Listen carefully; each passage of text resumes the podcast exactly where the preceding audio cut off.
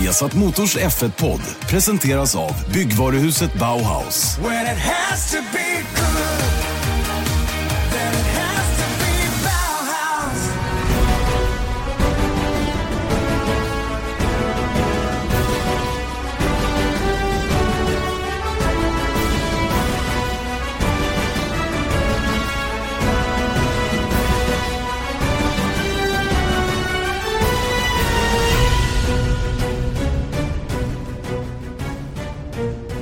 Hallå där, mycket välkomna ska ni vara till en ny Formel 1-podcast här på Viasat Motor. Som vanligt hör ni den här podcasten på Acast, på iTunes eller på viasatsport.se. Podden som idag naturligtvis har fullt fokus på kommande helgsrace ifrån Kina och Shanghai. Och eh, veckans gäst är eh, redaktören och producenten på Viasat Motor Erik Stenborg. Tillbaka igen i podden, eh, lite småförkyld men på benen i övrigt verkar det som. Ja, det är jag faktiskt. Stamgäst. Just det, Kan vi inte börja kalla den här för Janne Blomqvist och Erik Stenborgs? by all means. Inga problem för min del. Jag förtjänar inte riktigt det. Eh, Formel 1-helg och Kina, vad, vad tänker du då? Ja, du, jag, det, det är ju Shanghai International Circuit. Det är alltid en bra och rolig bana racingmässigt, men sen så har jag någon form av eh, bild på näthinnan alltid när man tänker på Kinas Grand Prix att det, det är grått och det är kallt och det är lite to, ganska tomma läktare, stora mastodonthus längs start och målrakan. Och det, det är inte så eh, ja, för, ja, bättre, brist på bättre ord, det är inte så sexiga eh, bilder. Det är liksom inte så här elljusen i Bahrain eller, eller Monaco. Det är ganska kalt och kallt liksom. Eh, men en väldigt rolig bana att titta på. Mm. Jag har aldrig varit där. Det har du.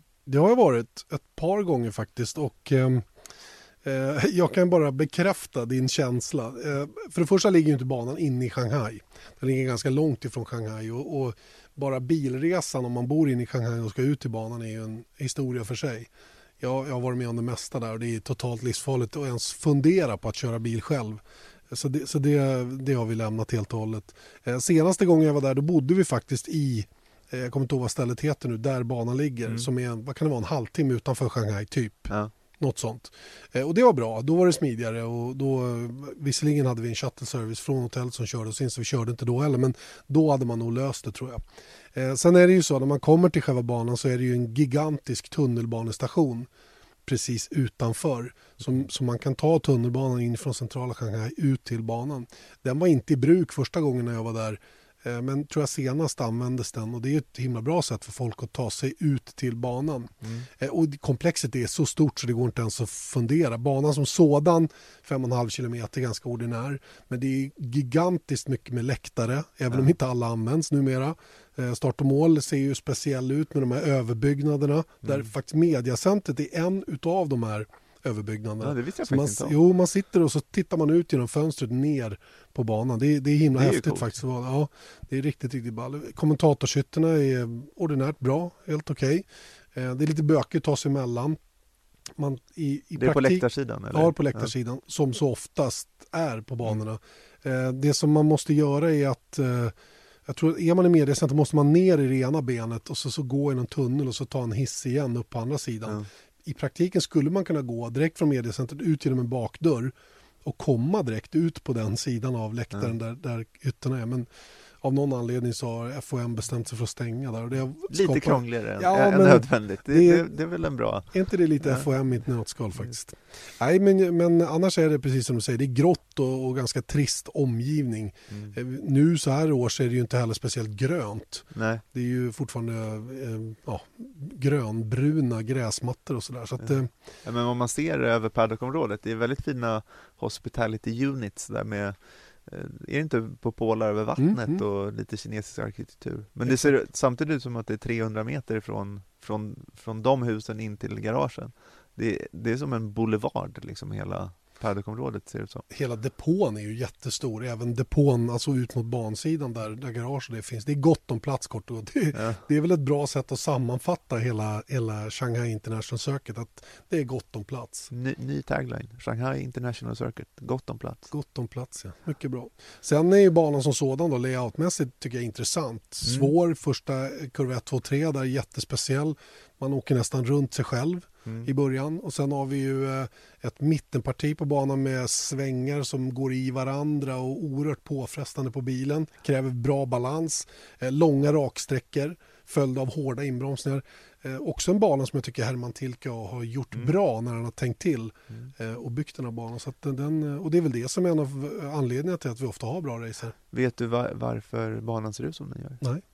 Den, den är byggd på träskmark Oho. och då, hade de, eh, då tog de Sh- Shanghai och då är det kinesiska tecknet Shang som betyder att stiga eller någonting sånt där. Jag vet inte vad hai betyder men och då har de gjort, om man ser på det tecknet så, så är det layouten är liksom baserad på det kinesiska tecknet. Tänk vad du vet. Ja, Det var ju helt det är otroligt. mitt jobb, jag kan sånt där. Ja men det är bra. Det är bra. Mm. Ehm, som sagt, ehm, och, och Pirelli har ju till den här eh, nominerat Supersoft, Soft och Medium, de tre mjukaste. Eh, spännande med Supersoft på den här banan för det var ju två år sedan, eller om det är tre år sedan, 2013 klarade ju knappt Soft fem Mm. varv på den här Mm. banan och nu ska man åka Supersoft. Mm. Eh, nu är ju inte färgen på däcksidorna detsamma som att däcken är likadana som de var då. Men visst blir det en utmaning, det känns så i alla fall. Tror inte du det också? Absolut. Det, men det är ju det där som jag tycker är kanske höjdaren nummer ett hittills i säsongen är ju de här tre olika eh, gummiblandningarna. Att det blir en stor skillnad att nu kommer ju topp 10 starta på Supersoft antagligen och sen så eh, kommer ju skillnaden Alltså strategimöjligheterna är ju e-, enormt stora om man tänker på en, en Sauber på medium och eh, någon inom topp 10 men kanske på plats 9 då som kör på Supersoft.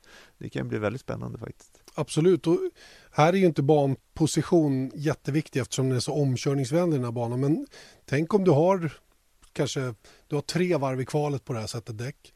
Så får du ut sex, sju varv till. Mm. Du får ut tio varv i Supersoft. och så måste du in i depå. Och så har du andra bilar bakom utanför topp 10 som har startat på soft eller medium. De kommer naturligtvis att komma, eller vara framför. Ja. För de hinner ju aldrig få de där 25 sekunderna eller vad de behöver för att, för att komma ut framför. Och då blir ju, bara där börjar ju racet på riktigt allvar. Mycket omkörningar Mm. eh, och beroende på vad de som går in i depån lägger på för gummiblandningar och hur snabba de är Mm. så, så är det inte alls säkert att de hanterar trafiken så snabbt som de önskar. Så att jag tror att det här kan bli toppenbra verkligen Mm. på alla sätt och vis. Mm. Ja, det kanske är den här banan som är första riktiga ja, liksom pekpinnen för hur de här tre gummiband, ja, just strategimässigt så att det kan bli eh, riktigt rörigt. Mm.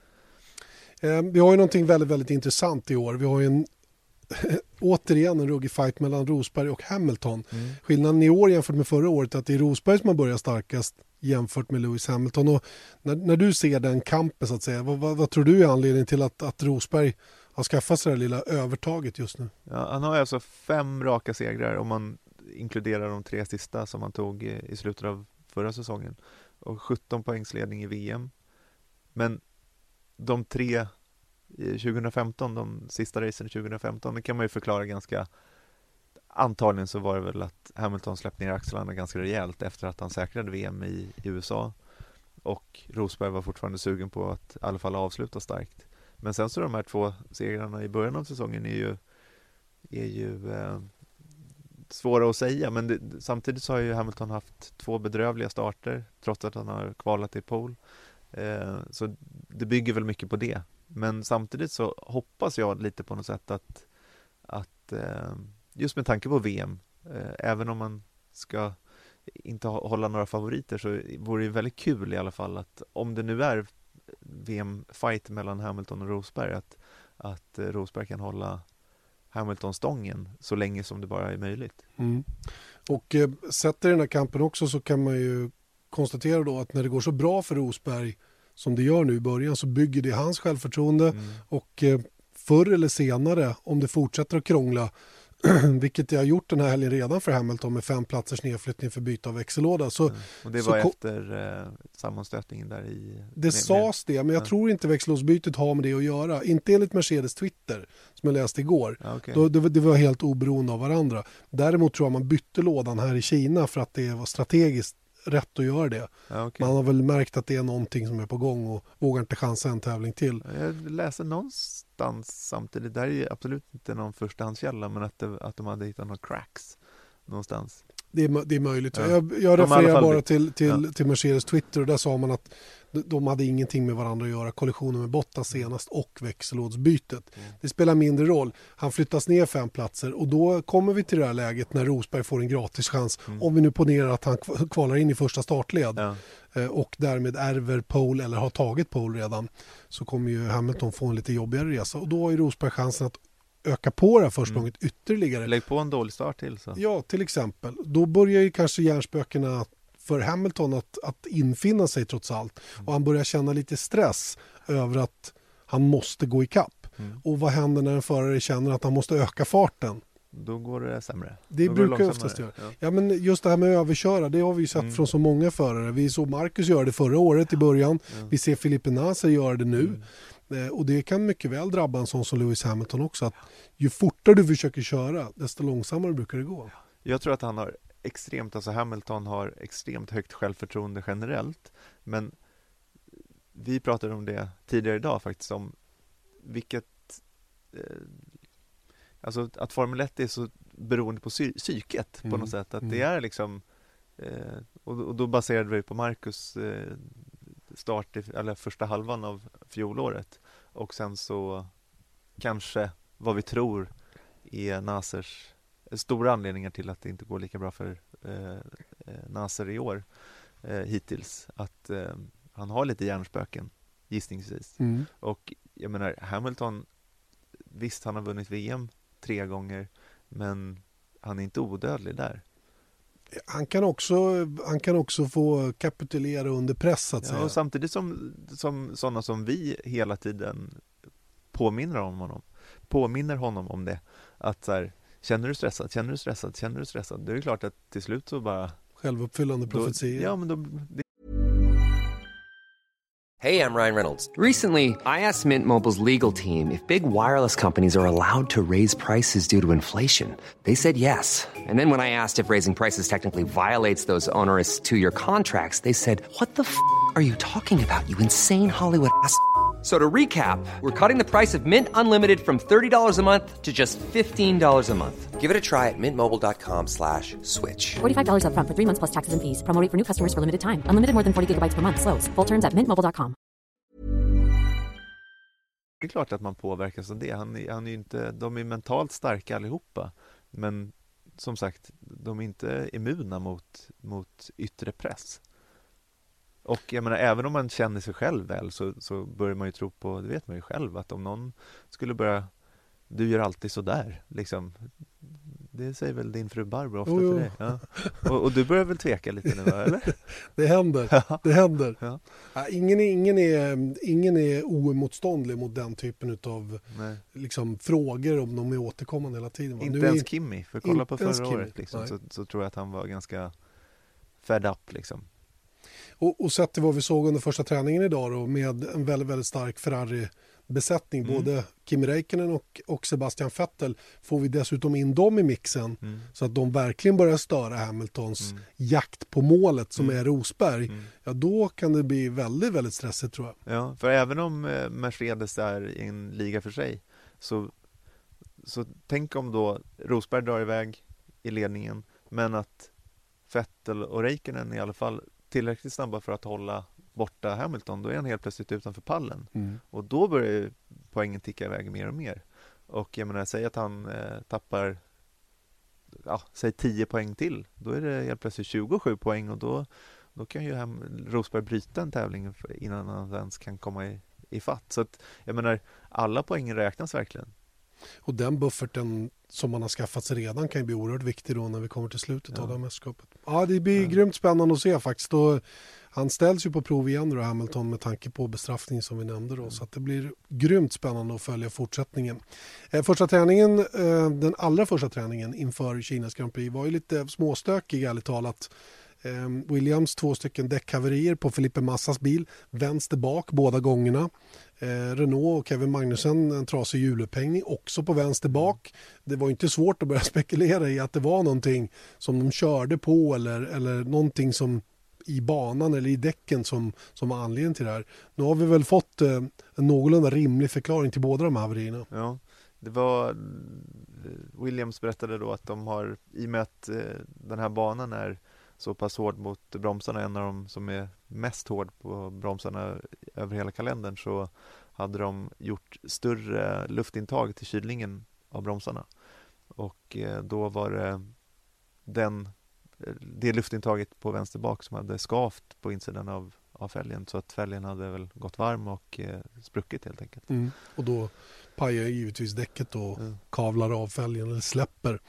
Jag kan att, gissa eh, att eh, Paul Henry var ganska stressad innan det kom fram i alla fall. Paul Hembry som är motorsportchef hos Pirelli innan de kunde utesluta att det var deras Ja. fel så att säga. Här? Och speciellt med tanke på det som vi sen såg då med Kevin Magnussen. Då. Mm. Men det visade sig vara hjulupphängningen som gick sönder och det var det haveriet av hängningen, hjulupphängningen som i sin tur gjorde att däcket punkterade. Mm. Så det hade ingenting med däcken att göra heller. Nej. Däremot så gjorde det ju att eh, Kevin fick sitta och eh, titta på andra träningspasset och eh, för Williams del då så har de väl naturligtvis behövt justera luftintagens eh, ja, storlek om de har bytt tillbaka till de gamla eller vad de har gjort för att säkra upp att inte det där händer igen. Ja, det vet man ju inte vad de. Men det kanske var bara liksom fabrikationsfel på, på just där eftersom det var vänster bak eh, båda gångerna också. Just.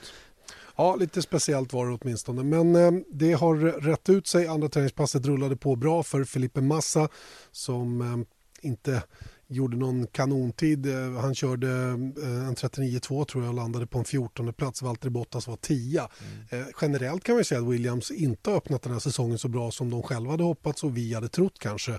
Man är längre ifrån Mercedes och, och Ferrari nu än vad man var förra året. Och ja, Jag vet inte hur de ska lyckas vända på det. De får ju snarare snegla mot Red Bull bakom och Haas har ju varit starka. Precis. Det är många där som slåss om det. Om man tittar på, på um, träning två där så var de ju efter ja, Ricciardo i Red Bull i alla fall. Båda Force India, båda Toro Rosso. Och eh, ja, det ser inte alls... De var trea i VM två år i rad nu och det ser ju väldigt tajt ut. Ja, alltså. den, den blir nog svår att försvara faktiskt. I alla fall så som det har sett ut så här långt. Mm. Apropå team då som har förbättrat sig, McLaren Honda eh, fortsätter väl att göra okej ifrån sig. Eh, eh, Med Jens- Alonso i bilen. med Alonso i bilen, dit jag skulle komma. Alonso Button som var 11 och 12 på det andra träningspasset. Eh, en av de första ut på Supersoft för att göra tider och det, banan blir så pass mycket bättre så jag vet inte, vi ska inte bedöma tiderna så himla noga ifrån dagens träning. Men oavsett det så ser de ju helt okej ut. De har bäsat sina chanser lite grann hos McLaren. Sagt att eh, vad ska jag säga, eh, egenskapen hos bilen och motorn kanske inte passar just den här den här banan på bästa sätt. Eh, kommer tillbaka till Alonso då, till start, till slut, gick igenom en läkarundersökning igår och eh, så här sa han efter den läkarundersökningen eh, om att få köra igen. I was ready to, to race in Bahrain uh, already, so mentally I was uh, uh, 100% in Bahrain already, but physically uh, I, w- I knew that I had pain and uh, I was ready to to drive with, with that pain. Now I'm mentally 100% and I don't have pain, so that's uh, that's much better news. And yeah, I don't think that is any difficult. You know, we want to race. I've been preparing this 2016 season for many many months december january february all the winter testing and now mm, yeah, missing the second race was was tough because uh, i think the car is, is uh, in a condition now that we can enjoy racing with with, with other cars in the middle of the pack and uh, now I'm, I'm looking forward and hopefully this week we start uh, our own championship. As i said you know i feel good has been um, difficult weeks, you know, uh, tough weeks because uh, the pain was uh, was high in some moments. Uh, you know, you cannot do normal activities, you can uh, not sleep in normal position, and uh, I've been uh, uh, not uh, not not feeling good. But uh, you know, uh, now in the last uh, ten days, let's say, I, I more or less uh, feel normal, and uh, I went back to, to the gym and uh, to the bicycle, running, uh, golf, so more or less normal activities. So yeah, the pain level now is uh, zero, so I feel I feel good. I feel confident, and uh, yeah, tomorrow should be everything okay.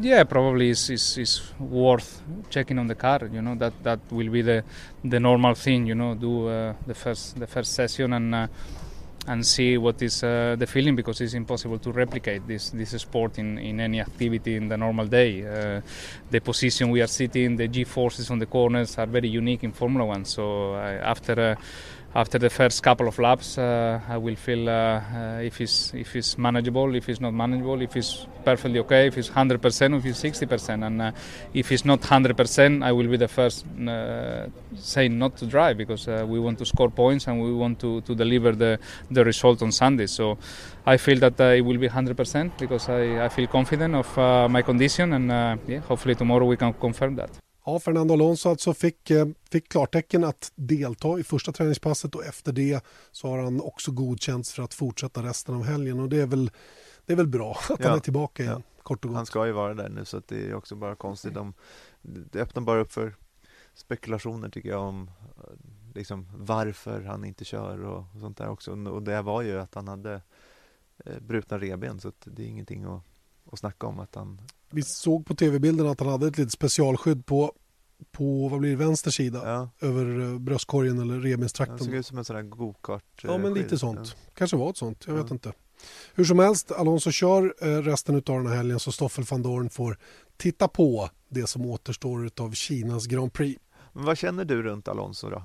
Nu, apropå att han har ju ja, direkt när han får stå över en tävling och kommer allt det här med motivation och, eh, och så vidare och så vidare. Såg du det klippet förresten med eh, Johnny Herbert? Ja, det var Ja. ganska kul. Jo, jag såg det. Det är väl, eh, jag menar, Johnny Herbert är betald för att tycka. Ja. Att han tycker att Fernando Alonso ska lägga av, ja det må ju stå för honom. Eh, Alonso håller absolut klass för att vara i Formel 1 fortfarande. Men frågan är om man är på den nivån i Formel 1 där han verkligen kan göra sig själv rättvisa. Det vet inte jag. Och ju längre tid det går innan, innan eh, McLaren är konkurrenskraftiga på rätt sätt så kommer det ju till slut att bli svårt för honom att att liksom motivera för sig själv att vara kvar i F1. Ja. Han är i F1 för att vinna VM, inte för att delta. Det kan vi snabbt konstatera. Mm. Och, och fortsätter det då att vara tiondeplatser, åttondeplatser han kör om, då tror jag inte han själv vill vara kvar. Nej. Utan då vill han sluta. Sen om han ska, om han ska liksom säga ja, ja visst Johnny Herbert, jag lägger av nu för du tycker det. Det kommer ju Nej, aldrig hända. Men det var mer bara att, att, att hans comeback var ganska rolig. Kan, man kan se det på viasatsport.se. Just. Ehm, att han, eh, då står, Johnny Herbert är ju expert på Sky och eh, då stod han framför eh, kameran och gjorde någonting med eh, sin kollega och då stolpar bara Alonso upp och säger eh, att så, här, ja, så du tycker att jag ska sluta, du har inte eh, Ja, det är därför du är tv-expert och eh, inte världsmästare som jag. Ja, det Han, han såg faktiskt lite Ja, han var tjurig. Jag ja, tror han var tjurig. Ja, och Herbert såg lite chockad ut Ja. också. Oh, yes, säga. all right, Ja, okej. bara, Ja, ja, ja, ja. Och sen har han ju faktiskt eh, utökat det till att gälla även Button och Kimi Räikkönen. ja Och men, då har man klivit i hundbajsen, höll jag på säga. ja, Det såg jag på vår Facebook, att eh, då var han en gammal stofil, han hade ingen koll på någonting. Och, Button är okej va, men ja, inte men Räikkönen börjar man trampa på Räikkönen då är man illa ute. Ja, så det är att, eh, ja, det, det, det får man passa sig för. Jag tror inte Johnny Herbert i och för sig är rädd för det. Som Men, sagt, men jag tycker det är ändå intressant då tycker jag angående en sån som Alonso att om man ser på vad han var i Ferrari Visst han vann inga VM-titlar men han var ju tvåa och trea bakom Vettel Det var ju inte i stort sett jag, jag kan inte exakt eh, statistiken men han, han tog ju Han var ju där mm. i Ferrari Och, och kunde så- ha vunnit, mycket väl vunnit den här VM-titeln Ja 2010. visst, han gjorde jättebra ifrån sig i, i Renault där, eh, de mellanåren och allt liksom ja, Han gjorde inte dåligt ifrån sig i, i McLaren eh, 2007 Sju.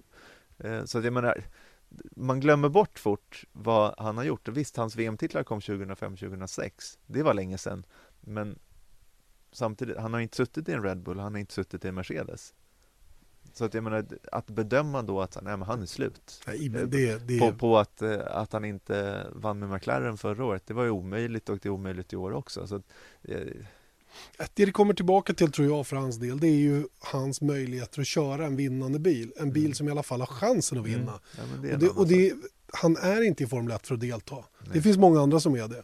Perez, Hülkenberg, Ja. Marcus kanske. Ja. Eh, Alla de här, de är ju i Formel 1. De tycker det är tillräckligt så att säga eh, på en De, de, viss i nivå. fall, de har i alla fall tid att bida sin tid Exakt. tills att det någonting annat dyker upp. Det har inte Alonso. Nej, han har varit dubbel världsmästare och vill bli det igen. Mm. Och, och det är det enda. Det Millions of people have lost weight with personalized plans from Noom, like Evan, who can't stand salads and still lost 50 pounds. Salads, generally, for most people, are the easy button, right? For me, that wasn't an option. I never really was a salad guy. That's just not who I am. But Noom worked for me. Get your personalized plan today at Noom.com. Real Noom user compensated to provide their story. In four weeks, the typical Noom user can expect to lose one to two pounds per week. Individual results may vary. Say hello to a new era of mental health care. Cerebral is here to help you achieve your mental wellness goals with professional therapy and medication management support. 100% online. You'll experience the all new Cerebral Way, an innovative approach to mental wellness designed around you.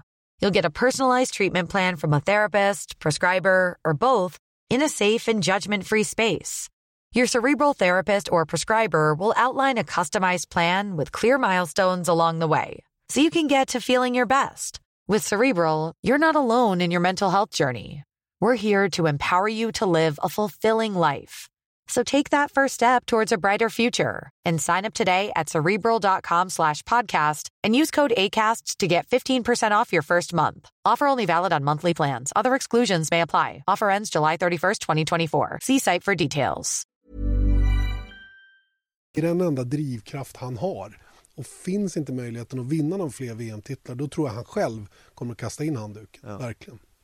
Så att, eh, ja, vi får se vad som kommer att hända. Det är ju lite spännande det där. Räikkönen är ju lite en annan sits. Ja. Han har ju på något sätt hamnat i en bra situation igen med, en, med ett team som hårdsatsar på att vinna VM och han Mm. smyger lite grann i bakgrunden där bakom Vettel som, som får vara frontfiguren och han trivs nog med att inte vara den som har mest uppmärksamheter. Ja. Ja. Dock i teamet som Alonso valde att lämna. Mm. Så att det är också en sån där variabel som man kan ta in om man vill. När det gäller Jenson Button så var han på vippen att lägga av redan till i år och jag tror att Det var väl de senaste tre åren har han väl varit på liksom upp till någon annan. Eller? Liksom, det, det har inte riktigt varit hans beslut ens. Liksom. Och, och jag kan ju tycka att ehm, han kanske borde ha det. Han borde ha gett upp. Borde ha lagt av förra säsongen. Hur han är, han är världsmästare en gång. Han blev det på ett väldigt speciellt sätt Mm. i Braun. En bil som var överlägsen första halvan och sen lyckades liksom hålla stången så tillvida att han, han, han lyckades bärga den här VM-titeln. Vilket var säkert en milstolpe i hans karriär. Eh, Men sen har han ju inte varit i närheten ärligt talat att, Nej. att vinna några VM-titlar och jag vet inte heller om man, om man riktigt håller den klassen. Nej. Ursäkta alla som håller på Button men, men jag vet inte. Nej. Vad, vad säger du? Jag, alltså jag, jag är knappt i en position att bedöma. Det, det som jag tycker är varför jag tycker om Button är kanske mer som person. Han är alltid trevlig. Han är liksom till och med trevlig mot mig som är en ja, relativ eh, nobody när man är på besök i, i paddocken. Och jag vet att eh, ja, till exempel Marcus har sagt att han är en av de hyggligaste i, i, eh, i, eh, i Formel 1 i kanske jämförelse med, med Hamilton då. Eh, Så att jag tycker att det är trevligt att en sån person finns. Sen så förarmässigt så, jag menar, han gör ju inte bort sig.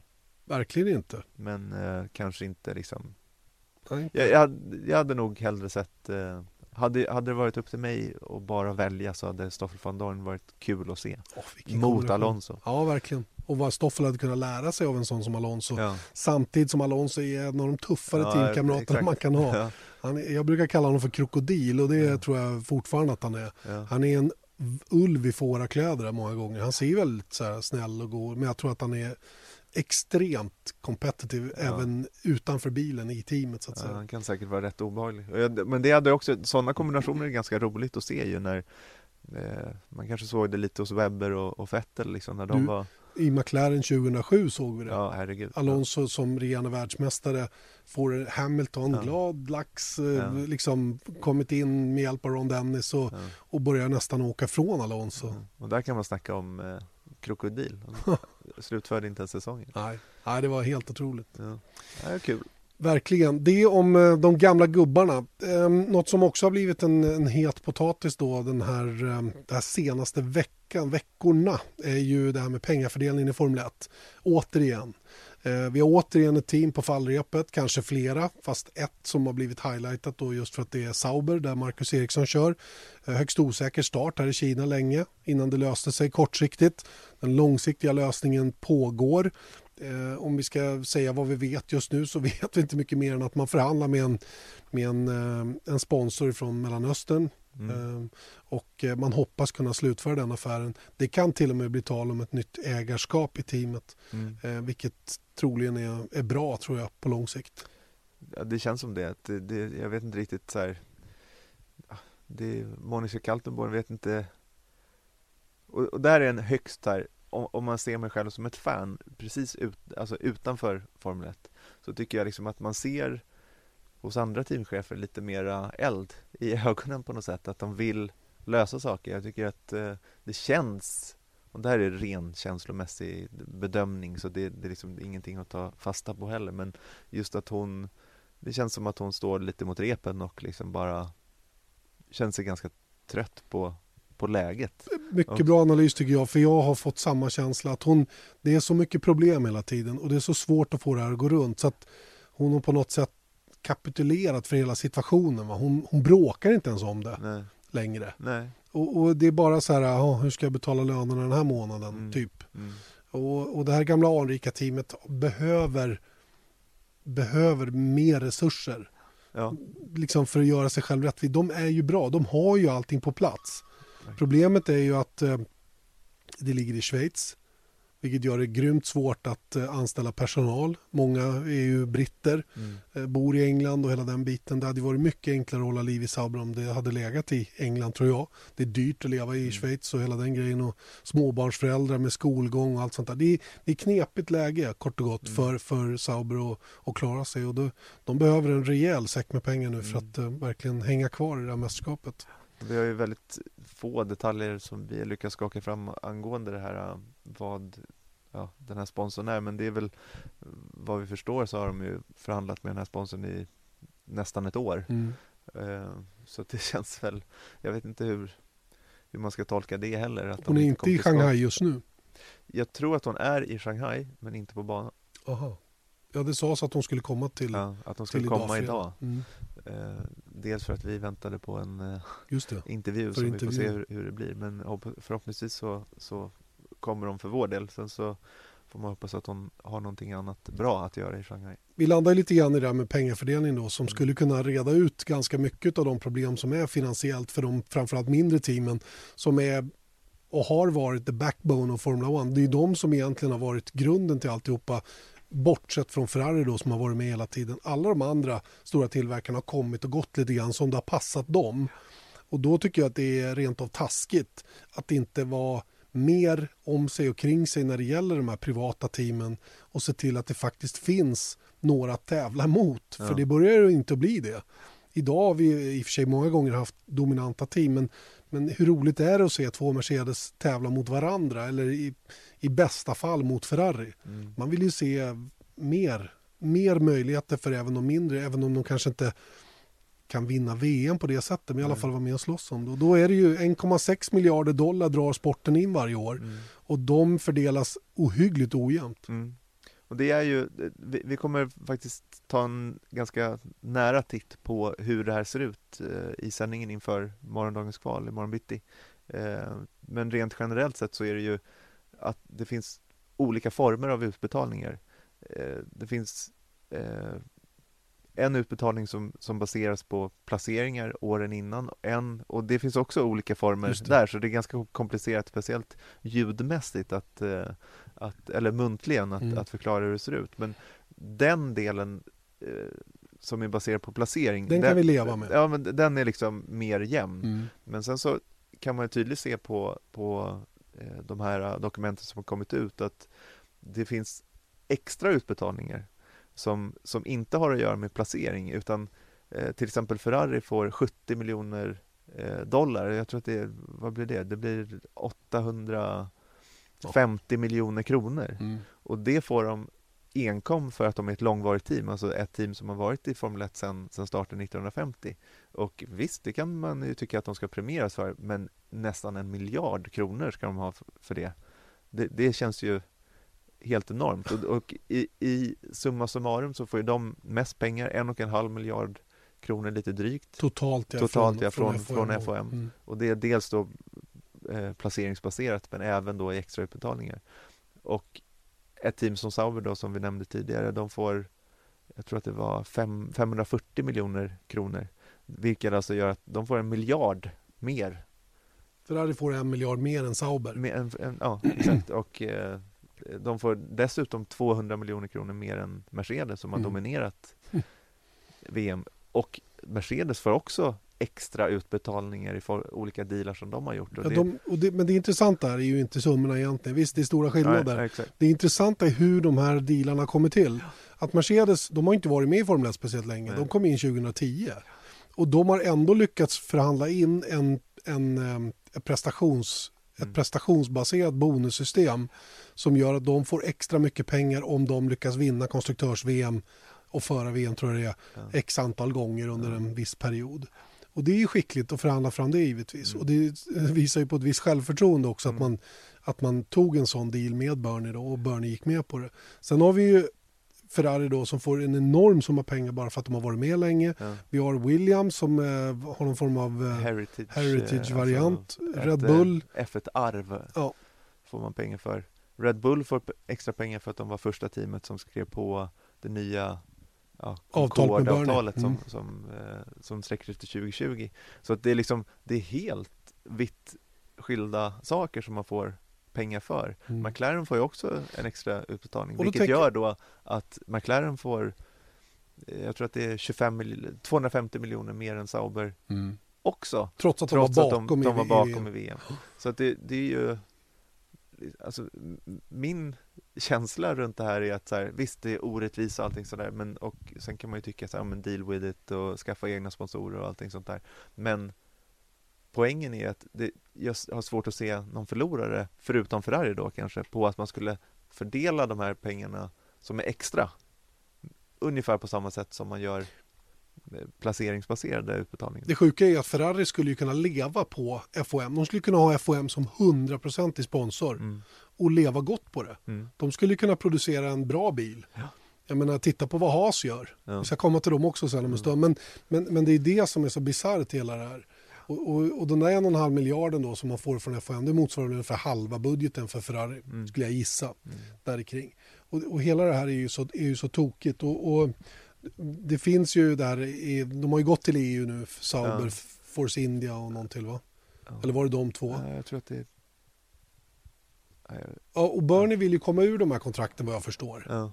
Även om det är han själv som har förhandlat fram dem någon gång Mm. så, så vill ju han på något sätt, för han är ju också medveten om, alla tror att Bernie är girig och dum bara, men det är han ju inte. Nej. Det är bara det att han, han lever ju i verkligheten så som den ser ut Mm. och han kan inte ändra på den. För ska man riva upp alla avtal, det är ingen lätt, lätt apparat, utan man behöver komma till någon, till någon slutpunkt att nu löper avtalen ut och nu börjar vi om från början. Och det är ju det som är så svårt att få till. på 2020 sig. det. Precis. Och då kan han ha tappat tre team. Ja, Och då har han till slut inget mästerskap Bernie. nej. Och måste börja tvinga storteamen att köra tre bilar och allt vad det nu Ja. är. Vilket ingen vill. Så att det är ju en, det är en jätte, jätte dum och svår situation Mm. som man visserligen själv har hamnat i genom att gå med på de här dealarna. Men man undrar ju så här, kan Sauber gå till, till Bernie och säga du vi har varit med sedan 93 här. Mm. Borde inte vi få eh, en bonus Ja, på det- 200 det, det är det miljoner där som man inte vet hur det, för, eller man, eh, hur, vi vet ju inte hur det fungerar exakt för jag tycker att det låter helt Jag vet ju att, eh, att Renault, det var ju en, en stor anledning till att, att det dröjde med beskedet att de hade köpt Lotus eh, eller ej var ju för att de ville få mera Och de vill komma in i det här gänget Ja, som får extra pengar. Exakt, och då, då um, ja, drog det ut på tiden helt Mm. enkelt. Så att jag, jag, jag gissar att det inte riktigt går. Men samtidigt så kan man ju undra då att det har ju rapporterats om eh, varför eh, eh, Sauber kunde ta sig till åtminstone Kina och Ryssland. Att Mm. det är eh, tidiga utbetalningar från eh, sponsorer, Marcus Erikssons sponsorer, som jag inte vi har bekräftat att det är så eller inte. Har han några sponsorer? Nej, men finansiärer eller vad det nu eh, Mm. kan tänkas vara. Men det är också ja, sett till att in, Renault eller Lotus var ju på god väg att gå i konkurs. De var i samma situation som Sauber var. Kanske ännu värre. Ja, ännu värre. De satt ju i Japan med deras mekaniker på packlårar åt McDonalds för att de kom inte in utan en enda reservdel i stort sett. Och de fick låna eh, Ja, de hade dels inte betalat liksom- båtfrakten och de kom inte in i hospital. Allting Nej, var ju obetalt. Ja, och de gick inte i konkurs Nej. heller. Och då kan man ju undra vem hjälpte vem dem med det då och liksom sånt där. Så att Hamilton, eller vad säger jag, Hamilton, Ecclestone är ju ändå en, en Guardian Angel fortfarande på ett väldigt hårt vis kanske, men jag tror inte att han eh, låter ett team gå i graven bara sådär. Inte på det viset, Nej. nej. De men, här tillbaka nya till team, ja, men tillbaka till frågan apropå eh, eh, hur, hur man ska lösa det här med utbetalningarna. Inte en aning. Jag tror att nästan att eh, det här EU och det de har gått till EU för att få granskat är ju en konkurrenssituation, att det är en snedvriden konkurrenssituation. Mm. Eh, det kanske är en och frågan är är ju vad, vad händer då om man ändrar förutsättningarna? mm. Är det lika intressant för Mercedes och de här teamen som, som tjänar mycket Ferrari, tjänar mycket pengar på det. Är det intressant fortfarande för dem att fortsätta på den nivån de har gjort hittills? Och vad får det för påverkan på mästerskapet framöver och så vidare? Och så vidare? Du, de kommer tjäna enorma pengar ändå. Mm. Det är det som är, är grejen också. Det är bara att det, visst, det blir lite mindre. Sen så kanske det är ett svenskt sätt att se på det också. Att var, varför ett team skulle tacka nej till. Och det är väl det som är problematiken i det. Att hur, hur kan eh, Arriva Bene gå till eh, Martione och, och säga så här, hörni, nu, nu, nu skippar vi 70 gör miljoner det. dollar för att det, det, det är oschysst. Det är oschysst. Det är liksom det kanske faller på sin rimlighet. Men däremot så kanske de inte skulle vara helt galna och hota att dra sig ur och sånt som de har gjort tidigare. Nej. Om någon annan beslutar åt dem. Om Formel 1-mästerskapet dör helt och hållet så har de inga pengar alls att hämta. Ja, däremot har man kommit så långt så kan man undra, vill någon vara i Formel 1 överhuvudtaget om det håller Exakt. på väg att dö? Exakt. Så att, och där är vi ju inte än. Nej. Men eh, mer om det imorgon. Ja, mer om det imorgon, ja. Precis. Eh, avslutningsvis några korta ord om Haas. Ehm, eh, när vi hänger kvar vid det vi har sett eh, här i Kina då, så känns det som att de kan vara på väg mot en liten reality check här. Eh, såg inte alls snabba ut idag på träningen. Den ena bilen gick inte överhuvudtaget. Gutierrez, Esteban Gutierrez körde sex varv. Mm. Och han har gjort 25 bromsproblem. racevarv. Först är elfel, första träningen. Och andra träningen så var det bromsar. Och det vet jag inte riktigt vad det var anledningen till. Om det, om det var för snålt tilltagna luftintag eller om bromsarna låg an eller vad det nu var. Det såg ut som de låg an för det var väldigt, väldigt varmt. Eh, och eh, det ska bli spännande att se hur pass snabba de är. För, för eh, Grosjean var en, inte ens en tiondel före Eriksson. Eh, trots att han körde supersoft och Eriksson på soft. Så att, och det är ju en indikation så god som någon. Sen kan bränslemängder och annat Visst. skilja givetvis. Hur som helst så är det ju lite spännande med Haas. Det har varit stora diskussioner om deras sätt att ta sig in i Formel 1. Apropå det här med pengar och hur man bäst spenderar pengar. Jag vet att jag försökte pumpa i lite på om det här var en om, om, om Sauber skulle kunna göra så som Haas. Att minimera det som man behövde tillverka själv. Mm. Men, men samtidigt har jag nu funderat lite på, är det så att Haas bara fick göra så här i uppstartsskedet och sen måste börja utveckla sina egna grejer? Det är jag lite oklar över ärligt talat. Nej. Eller kan de även fortsättningsvis, så länge de har- äger rätten till ritningarna på bilen, skicka det på, på en utomstående leverantör att bygga chassit? Jag tror att det, det är reglerna som säger, alltså det här är väl den gråzonen som, eller gråzon, men det är liksom, de, de gör, det de gör är helt lagligt. Ja, ja visst, absolut. Och jag ser inte varför det skulle inte bli lagligt bara för att de har gjort det i två Nej, år. att man får göra det hela Ja, tiden så att och det är säga. väl fram tills att någon, något förändras, men, men det tror jag. Men det, och, och diskussionen här är ju att de, de är som ett customer team och att eh, många team kanske tycker att det gick lite väl fort för dem att komma in i Formel 1 och direkt ta poäng. Eh, 18 poäng har, har eh, Grosjean idag och i jämförelse då med, med Caterham, eh, Virgin, eh, ja, HRT Lotus, och eh. HRT, Mm. allting som tog två poäng på tre år eller På vad det tre var. team, ja. på tre team. Mm. Så att, att det kanske gick lite fort. Men samtidigt så är det ju det verkar vara lite tudelat att många verkar tycka att så här, men det här är ju bra att man kan komma in i Formel 1 och eh, Var hyggligt och, och vara konkurrenskraftig. konkurrenskraftiga. Mm. Det som, och det tycker jag också, alltså det är ju bara trevligt att se att mer i mixen, att vem blir glad över ett rundningsmärke längst bak som Manor har varit fram tills i år också. Att det, det har ju liksom varit, okej det är bra att vi har 22 bilar på griden men det är knappt så att de är där. Nej. Eh, och ingen bryr sig ens om den interna fighten och det är svårt att synas och allting sånt där. Eh, men det som jag däremot tänker på, det enda som jag ser som kanske lite negativt i det, om det här blir mycket mera utbrett i Formel 1 är ju att ett B-team till Ferrari, ett B-team till Mercedes kommer ju aldrig slåss med Ferrari Nej. eller Mercedes. Nej. Så de har ju en inbyggt handikapp att de kan ju nå en viss höjd men inte längre antagligen. Sen så har vi i och för sig Toro Rosso och Red Bull som Toro Rosso kan i alla Mm. fall utmana Red Bull nu men det är ju liksom också en avartsgrej för att de kör på helt olika motorer och det är ju ett systerteam men Red Bull har Tag Heuer Renault och eh, Toro Rosso har fjolårets Ferrari så det där kommer jämna ut sig också Mm. men det är där jag kanske ser att okej om, om Sauber går dit eh, åt det hållet även om Sauber inte är, utmanar Ferrari och Mercedes som det är nu så det är kanske bättre att de, att de överlever och tävlar i mittfältet än att de dör för att eventuellt skulle kunna utmana Ferrari. Men Mm. problemet är att de kan ju inte komma ur det sen. Nej, det är ju det som är Ja. kruxet lite.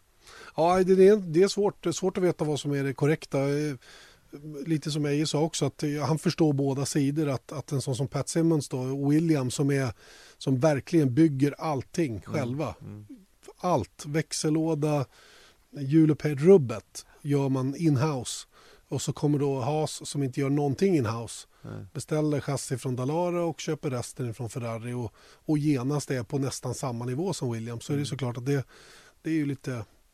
Ja, det är lite... Å andra sidan så är väl tanken lite med Haas att de gör så här till en början. Sen så när de har etablerat sig, att de har en mycket mer stabilare grund framöver så kanske de ska avveckla det här lite mer och, börja producera och själva. annat. Men man vet ju inte heller hur kontrakten ser ut med Ferrari. De kanske inte får göra det eller, eller vad det nu kan tänkas vara. Men, men problem, det, det som vore tråkigt är att när man ser Williams som ändå har varit så pass bra att de har kommit trea i VM två år i rad. Om de skulle gå åt det här hållet och sluta någon, någon deal eh, med Mercedes. Typ. Då är ju de eh, Okej, då, då kan de aldrig Nej, Det är samma sak Liksom- som att säga att vi kan inte vinna VM. Nej, Typ. exakt. För, för att även om de inte gör det i år ändå och de kanske hade varit mer competitive men de, de kommer inte kunna eller få Nej. göra det heller.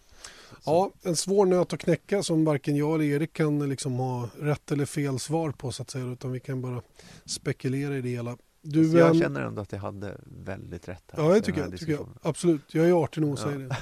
Du, sen är det så här att eh, din röst har blivit bra mycket bättre nu efter 40 minuters babblande. Ja, faktiskt. Ja. Kanske pratar för eh, lite. Du är på banan igen. Mm. Eh, kul, vi ser fram emot eh, morgondagen. Kval och race eh, lördag söndag. Och eh, inte så fasligt tidiga morgnar. Nå, nej, inte, inte, på, inte på lördag i alla fall. 29 börjar kvalet va? 29, Och det innebär att de tränar mellan 6 och 7 morgon bitti. Det, det funkar. Ja, det är okej. Och på, på söndag så börjar vi sändningen eh, 07.30 va? Ja, Mm. och det är för att eh, ja, vi kör en halvtimme. Just det. Eh, Det är det här racet som vi kommer köra en halvtimme innan. Resten kommer vara 45 då som vi började med i år. Toppen bra. Vi har du, lite mindre besättning på plats. Jag kom på en Ja. sak. Eje har ju tävlat på Shanghai International Circuit. Just det. Det nämnde vi inte. Nej. Nej. 2004, första året. Mm. Berätta om det. Han körde en Polo Cup-bil. Ja, de hade någon Polo Cup och det var en massa inbjudna förare. Lillövis var med, Martin Brandel, Christian Danner, Jutta Kleinsmith tror jag var med. Mm. Och, och lite sådär. Och Eje skulle vara med och tävla efter många om och men. Han var inte så sugen. Nej, så fick han en eh, Volkswagen overall och ja, du vet. Ja. Allting var providat ifrån från Folkvagn. Och jag tror att det var Christian Danner, gamle Formel 1-föraren, som drev hela den här grejen. Och tjatade väldigt på Eje som till slut sa ja. Och det tränades lite grann och till slut skulle de tävla och Eje kom ungefär 100 meter. Han kom ner till första kurvan. Sen smällde han ihop med Jutta Kleinsmith och eh, fick bryta. Så att eh, det var ju inte så kul. Jag tror Lövis blev fyra om Ja. jag kommer ihåg rätt. Hur som helst så, så var det första året. 2004 var det. Det är alltså trettonde gången man kör i Shanghai den här säsongen och det här är näst sista året på kontraktet. Vill du att de förlänger? ja, Tror du att de kommer att förlänga? Jag hoppas det. Okej, återstår att se. Hörrni, hoppas ni har varit med hela podden och tyckt att den har varit lika kul som vi. Vi eh, ber att få återkomma med mer poddande eh, framöver och eh, säger nu eh, tack och påtrörande och missa nu inte våra sändningar under helgen. Träning alltså mellan 6 och 7 och kvalet sändningen den börjar 08.40 och sändningen på söndag börjar 07.30. Alltihopa i Viasat Motor eller på Viaplay. Väl mött då. Tack säger nu Janne Blomqvist och Erik Stenborg. Vesat Motors F1-podd presenterades av byggvaruhuset Bauhaus.